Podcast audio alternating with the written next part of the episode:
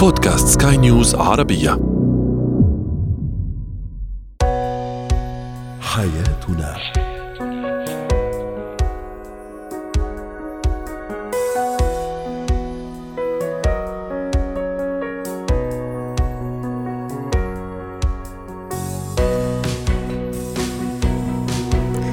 مستمعينا الكرام أهلا بكم معنا إلى حياتنا فضاؤكم اليومي الذي يعنى بشؤون الأسرة وباقي الشؤون الحياتية الأخرى والذي يمكنكم الاستماع إليه عبر منصة سكاي نيوز dot com slash podcast وباقي منصات سكاي نيوز العربية الأخرى.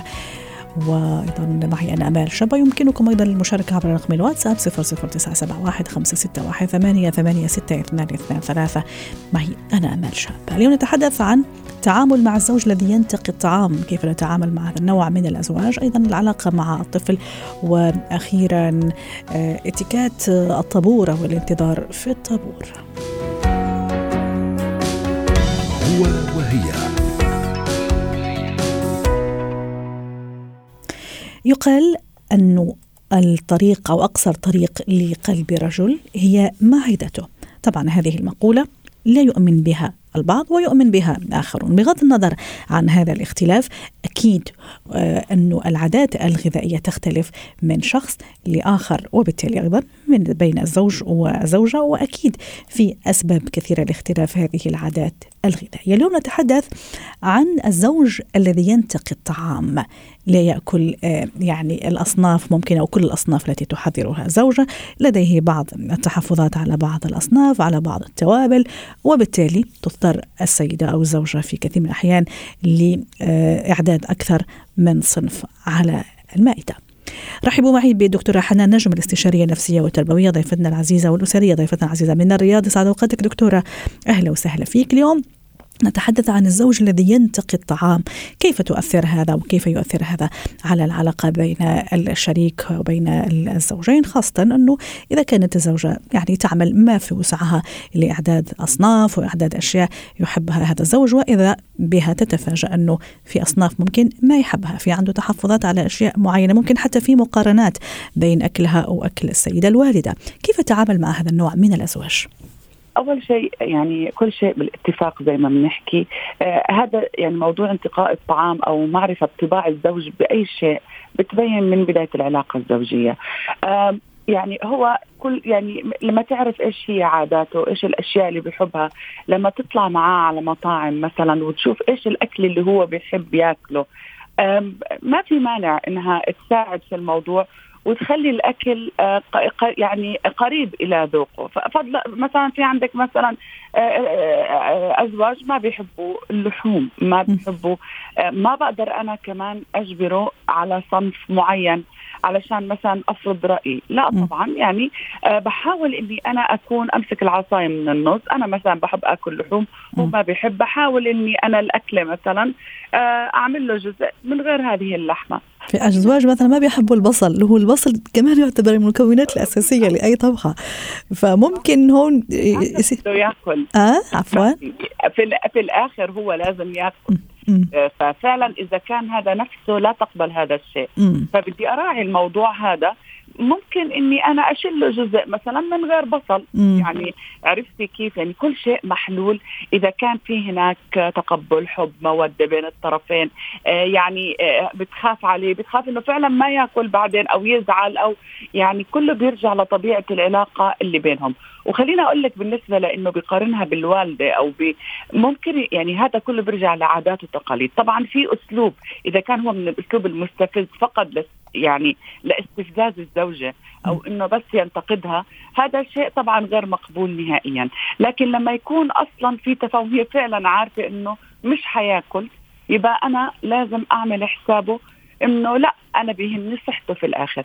في كمان نقطة ثانية إنه لما يكون مثلا عنده حساسية من طعام معين زي القمح زي الجلوتين زي الجلوتين أو آه، مثلا يعني نوع معين من أي حساسية.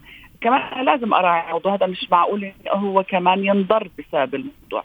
فممكن يكون انتقاء الطعام هذا لمصلحة الزوج بيعملوا عشان مين وممكن يكون في نوع من الأزواج اللي هو فقط للتحكم ونوع من أنواع النرجسية للأسف. وفي نوع كمان من الأزواج اللي فعلا يتذوق الطعام بشكل جيد جدا لدرجة فعلا يصير انتقائي بشكل أحيانا أقول أحيانا يزعج بعض الزوجات أو بعض السيدات مثلا في الملح في الزيت السمنة عرفتي كيف؟ لدرجة جدا دقيقة وبدرجه جدا انتقائية. ممكن حتى الزوجة تصير تشعر بنوع من الارتباك عرفتي كيف؟ يعني المفروض نعم. أنه تقدم هذا الطبق أو هذا الأكل بكل حب وبكل وبكل رغبة وبكل مودة وإذ بها يعني هي الآن مستعدة للسيل من الانتقادات آه، على أشياء يعني جدا جدا بسيطة لا لشيء الا لأنه فعلا هو انتقائي يا دكتورة.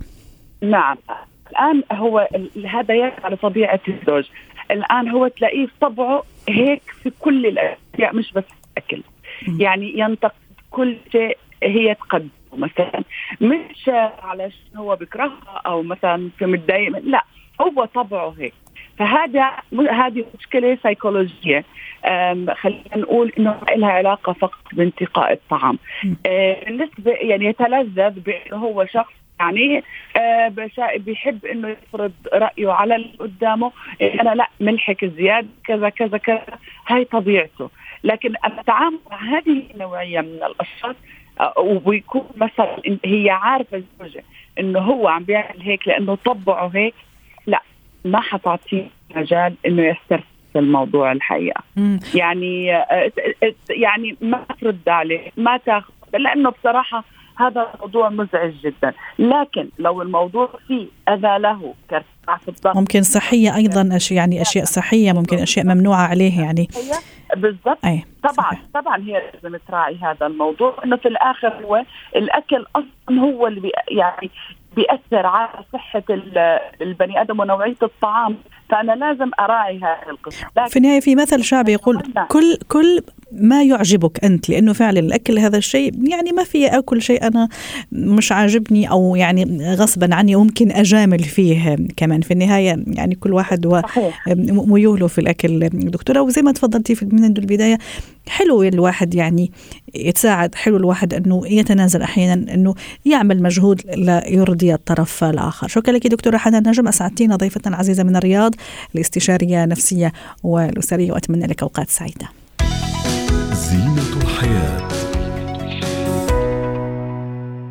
اليوم في زينة الحياة سنتحدث عن فيديو أثار ضجة كبيرة جدا صراحة في الشارع العربي والشارع العراقي تحديدا. ويعني أعاد للأذهان أسئلة كثيرة عن علاقتنا بأطفالنا بأولادنا. طفل عراقي في مكان لا يليق أبدا بالطفل في عمره وفي سنه يكون موجود فيه طبعا المسؤولية هي مسؤولية من؟ صارت المسؤوليات كل واحد يرمي المسؤولية على الطرف الآخر فاليوم نتساءل أي الأماكن التي فعلا لا يجب للطفل أن يتواجد فيها أو أن يكون فيها بغض النظر عن عمره عن سنه ومهما كانت الأسباب. رحبوا معي بالأستاذة لما الصفدي الاختصاصية النفسية والتربوية. سعد أوقاتك أستاذة لما. دائما نقول ونعيد أطفالنا أمانة في أعناقنا. أي نعم قيل أنه هذا الطفل هو حرام من أطفال الشوارع لا مأوى له لا بيت لا أسرة لا عائلة لا أم. والشارع كثير صعب الشارع ما بيرحم مثل ما بيقولوا. لكن في النهاية كمان في عندنا مسؤولية مجتمعية أستاذة لما. صحيح. اولا يمكن على يبدو حتى أنه هذا الطفل هو بما أنه هو كان بزيده للأسف أنه هو بيرمي فلوس. فممكن حتى ما يكون هو من أطفال الشوارع ممكن يكون هو يتبع إلى بيئة ولكن هن بثقافتهم بأنه الولد من عمر صغير لابد أنه يكون رجل. فالرجولة في بعض المجتمعات للأسف هي عبارة عن السهر بأماكن معينة القيام ببعض التصرفات المعينة فبالتالي تزرع الأفكار في يعني في عقول الأطفال على أنه هن باقتباس الدور اللي ممكن الأب يقوم فيه يعني باعتبار بأنه هو الفيديو كان طفل يرمي مبالغ من المال نعم. فبالتالي يستبعد بأنه يكون هو طفل من الشارع يعني يمكن الأغلب بأنه هو ممكن يكون هذا الطفل يتبع إلى بيئة ولا نستغرب بأنه البيئة تكون يعني إلها مسمى حتى آه. في المجتمع يعني. وكمان ما نستبعد كمان؟ وحنا أكيد رح ننطلق من من هذا الحادثة فعلا المؤسفة والمؤلمة والأليمة. حتى يعني نعمم الموضوع أو نروح لزاوية أوسع أنه ممكن كمان يكون استغلال أطفال أو استغلال طفولة عم يستغلوه بشكل أو بآخر أو لسبب أو لآخر. أكيد استغلال. وهذا كثير خطير أستاذ لما جدا منتشر خصوصا بآخر ثلاث سنوات نتيجه يعني الدول اللي هي صار فيها عدم استقرار نعم. سياسي واقتصادي فبالتالي كثير من الأطفال صاروا في الشوارع عايشين وبالتالي أكيد يتم استغلالهم وهم يعني يعني أي طفل موجود في الشارع ليس ما راح يكون في عناء للوصول إليه ولكن صحيح. يعني أحيانا نحن بنقول انتشار فيديو معين ممكن يكون هو يحمل رسالة فيها أمل بطريقة أخرى لأنه لما الناس بتصير شوي تعطي توعية للموضوع يعني حتى في الفترات الماضية شفنا كثير مبادرات للحد من أطفال الشوارع حتى في العراق. نعم. كان الحد من أطفال الشوارع إقامة ملاجئ لهم إعادتهم إلى المدارس. فيمكن حتى الفيديو السيء أنا أقول هو بيفتح العيون وممكن يفتح القلوب على إنه نحن في مسؤولية كثير كبيرة علينا تجاه أي طفل إذا كان بينتمي لنا أو ما بينتمي لنا صح. ولكن هي فكرة الطفولة اللي هو الجيل القادم اللي نحن بانتظاره. يعني إذا نحن تخلينا عن هذا الجيل اللي هو رح يأسس فيما بعد فيعني وبئس المصير بأنه جدا رح يكون إن كان الوضع الاجتماعي والثقافي أكيد هو كله وحتى رائع. التعليمي. رائع. أنا أشكرك على إثارة هذه النقطة أستاذة لبا. فعلا عم تحكي في نقطتين في غاية الأهمية. يعني مسؤوليتنا المجتمعية مش لأنه مش ابني مش ولدي أنا يعني راح أصرف النظر. لا بالعكس إنه مفروض إني أتكلم أتحدث أحميها أقل شيء يعني انسانيا. هذه هذه نقطة. آه ثم أيضا الطفل أو الأطفال يربوا في هيك بيئة يعني. أنت عن أي مستقبل عم تحكي أستاذة لما؟ أو عن مستقبل عم نحكي. أكيد مستقبل قاتم في انتظار هذا الولد. مسكين طفل بريء ما بيعرف خطورة المكان اللي هو فيه بغض النظر عن المكان اللي نحن عم نحكي عنه وممكن في أماكن أخرى. بس هو ما عم يعرف عم يستغل. بالنسبة له شيء رائع شيء جميل. لكن أكيد شيء خطير. أكيد. وفي النقطة الثانية على فرض لو كان هذا الطفل ليس من أطفال الشوارع هو ينتمي إلى عائلة. نعم. وهم برأيهم بأنه هم بدأوا يعلموه مفاهيم الرجولة. فكمان يعني هذا المفهوم الخاطئ اللي أنت يعني عم توصله لاولادك وهون ننطلق منها لفكرة أكبر عدد الحالات اللي أنا بشوفها لاشخاص بقرروا بأنه يزرعوا قيم معينة هم عندهم قناعة فيها. لدرجة أنت بتعرفي إحدى الحالات اللي أنا شفتها على أرض الواقع نعم. كانوا الأهل يمنعوا الطفل يبكي. لأنه رجل. فتعود طفل عمره ست سنوات على عدم البكاء حتى لو وقع حتى لو كان متأذي حتى لو توفى حدا من العائلة لدرجة أنه هذا الطفل يعني صار بحالة نفسية شديدة لأنه هو صار عنده قناعة دائما كان يقول الرجل لا يبكي. لا صح. الرجل يبكي. صح. و... وعلى فكرة وانت عم تحكي يا أستاذة كمان تعرفي رجعت بذاكرتي لمواضيع كثيرة عملناها ولمقالات أنا كثيرة قريتها صراحة ولمواقف للأسف شفناها على مر الأشهر والسنوات اللي فاتت. مثلا يزوج ابنه عمره 13 آه، أو 12 سنة لأنه راجل. خلص بيلبس هالطقم وبيعمل حفلة خطوبة. ممكن للأسف حتى يعطيه ممكن سيجارة يدخنها لأنه هو رجل هو رجال عادي ما بيعيب يعيبوا شيء. فشوفي خطورة هذا الشيء أستاذة؟ صحيح. يعني أنا اليوم حتى سمعت خبر عن مثلا مقتل طفلين بإحدى الدول العربية كانوا عم يسوقوا سيارة هم بعمر ال 11 و 12 سنة. مثلا. هذا جزء من إنه الأب يعني القصة حسب ما وصلتني الأب كان عنده فكرة إنه هو بده يسعد ابنه وخلص صار رجل 12 سنة فشرى له سيارة. يعني إلى أي مدى الإنسان لازم يصل لمرحلة بإنه في فرق ما بين أحلامنا وحياتنا وطموحاتنا وما بين اصنع إنسان بأحلامي واصنع حياة إنسان بطموحاتي يمكن تكون هي الهلاك بالنسبة له فبالتالي الموضوع جدا مؤذي إلى أي مرحلة نحن ممكن نسقط هذا الشيء؟ دائما هي رسالة بنوجهها للأهل. أيوه هذه هي الأهل يعني هم صراحة يعني مربط الفرس يعني هم الأساس يعني آه، فعلا في أهل. لازم يغيروا المفاهيم لازم يغيروا أشياء كثيرة آه، في التربية في طريقة التعامل. كمان في كثير فرق بين التربية مثلا كيف كنا قبل 30 40 سنة والآن يعني في أشياء تغيرت أشياء كانت كويسة جدا. الآن اندثرت والعكس صحيح أشياء ما كانت كويسة والآن صار لازم نغيرها. أكيد هي فكرة رائعة اللي أنت عم تحكي عنها إنه نحن عندنا الخيارات إنه نزرع القيم الرائعة اللي نحن تربينا عليها. صح. يعني هذا لا يمنع إنه نحن فكرتك صحيح إنه نحن لا يمنع إنه نحن عندنا كثير مبادئ حلوة وقيم حلوة نزرعها. ولكن في فرق ما بين إزرع المبادئ وما بين إزرع تفاصيل هي لها علاقة بالعادات والتقاليد وممكن تكون هي غلط.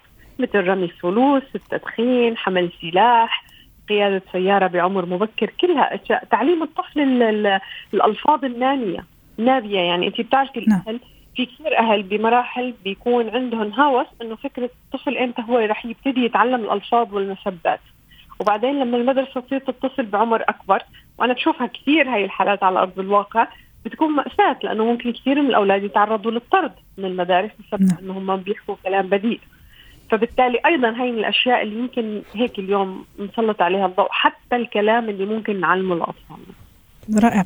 ورسالتنا فعلا اليوم يا أستاذة لما لكل شخص عم يسمعنا لكل اب وكل أم تحديدا شو ممكن نقول في هذا الموضوع الجدا مهم والجدا حساس والخطير؟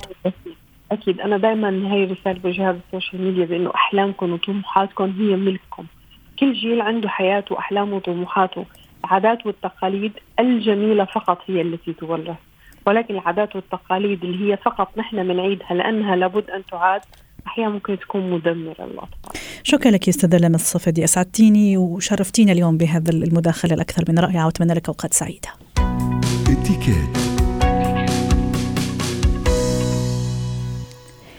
اتيكيت الطابور أو الانتظار في الطابور هو ليس مجرد أو ليس مجرد انتظار لدقائق آه، واحيانا لساعات هو أيضا سلوك وتصرف دعونا نتعرف على اتيكيت الطابور أو التعامل في الطابور أو الوقوف في الطابور مع أديل شويحات خبيرة البروتوكول والاتيكيت يسعد أوقاتك يا أديل. أهلا وسهلا فيك.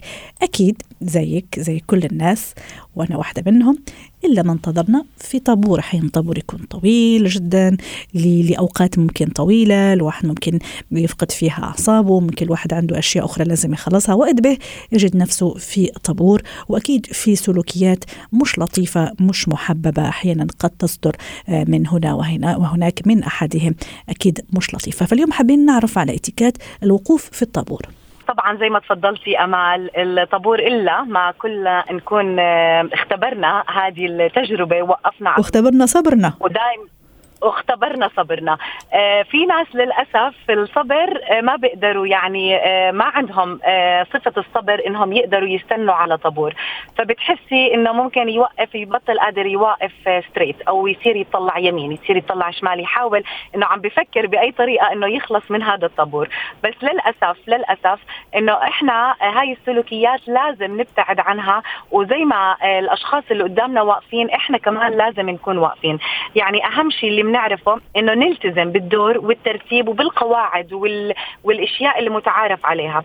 وأهم عنصر من عناصر الانتظار زي ما تفضلتي حكيتي هو الصبر. م. لازم إنه إحنا نتحلى بالصبر. وأول ما نشوف الطابور خلص نبرمج مخنا إنه أنا بدي أستنى آه، آه، هالوقت المحدد.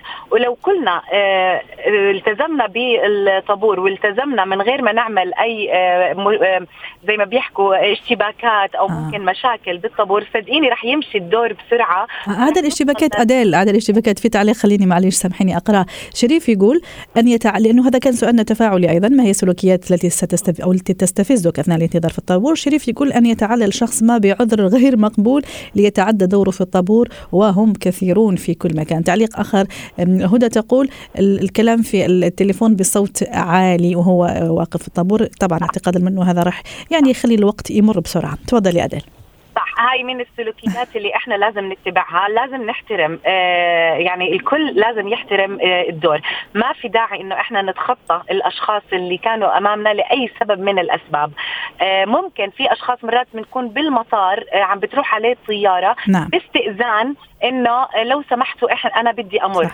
بس أنا إلي حق الرفض طبعا إني أنا أرفض أقول له أنا كمان عندي عم بستنى مثلا الطيارة ولا عم بستنى دوري أو عندي شغلة طارئة فالشخص الثاني مش مفروض إنه هو آه، يصير في اشتباك بيني وبينه. يعني هو بمجرد إنه سأل هذا السؤال بده يشوف الإجابة بنعم أو لا. يعني يتوقع اللا أيضا لا يتوقع فقط نعم. يتوقع اللا بالضبط بالضبط. وما بصير إنه إحنا نتخطى بعض ولا نتخطى الدور لأنه كل حدا آه، وقته مهم وكل حدا آه، آه، صافف وعم بينتظر وبرضه عنده هاي خصلة الصبر اللي واقف عم بيستنى لحتى ياخذ الخدمة اللي بتخصه.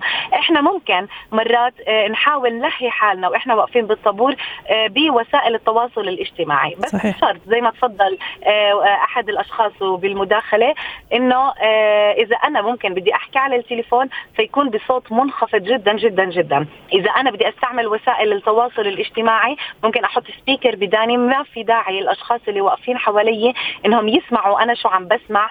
مش مضطرين هم يسمعوا سواء أحاديث شخصية أو أنا عم بسمع آه، أي فقرة ثقافية whatever مش أو يسمعوا برنامج حياتنا مثلا. أو لا ضروري هاي يسمعوا.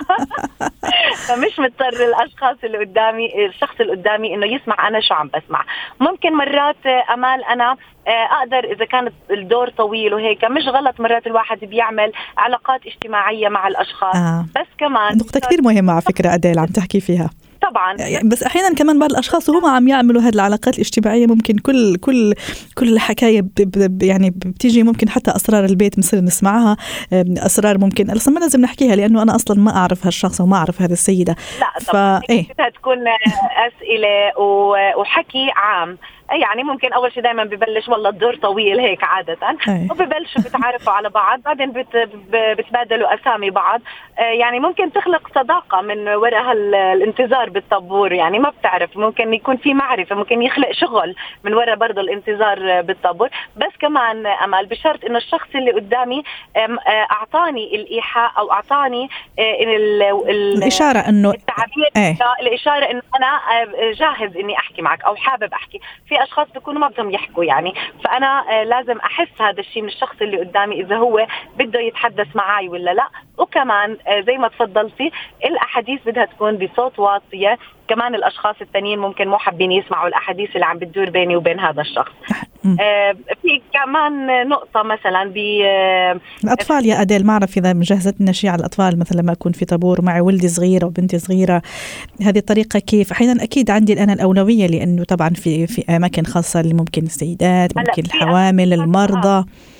صح. اي بس هاي ممكن ألاقي حالي يعني في في هذا الطابور ممكن طفل عم يبكي آه، ممكن للعكس ممكن أنا يعني عم ألتهي مع مع بيبي صغير ممكن كمان الوقت يمر بسرعة. يعني احكينا شوي على هالموضوع.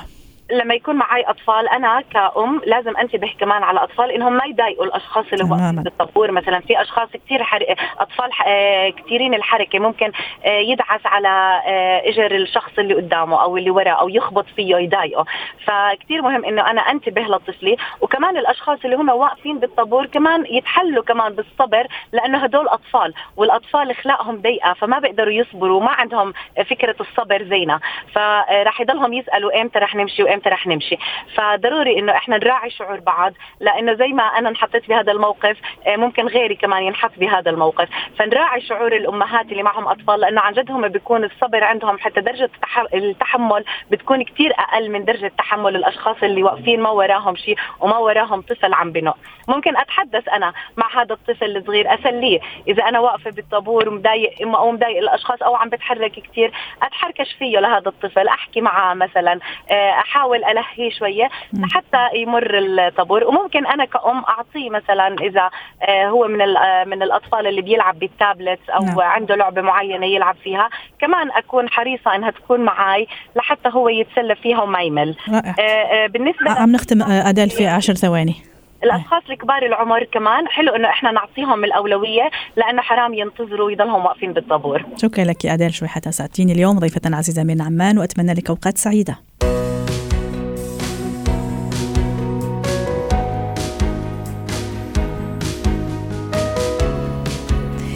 ختام حلقة اليوم من حياتنا. شكرا لكم وإلى اللقاء.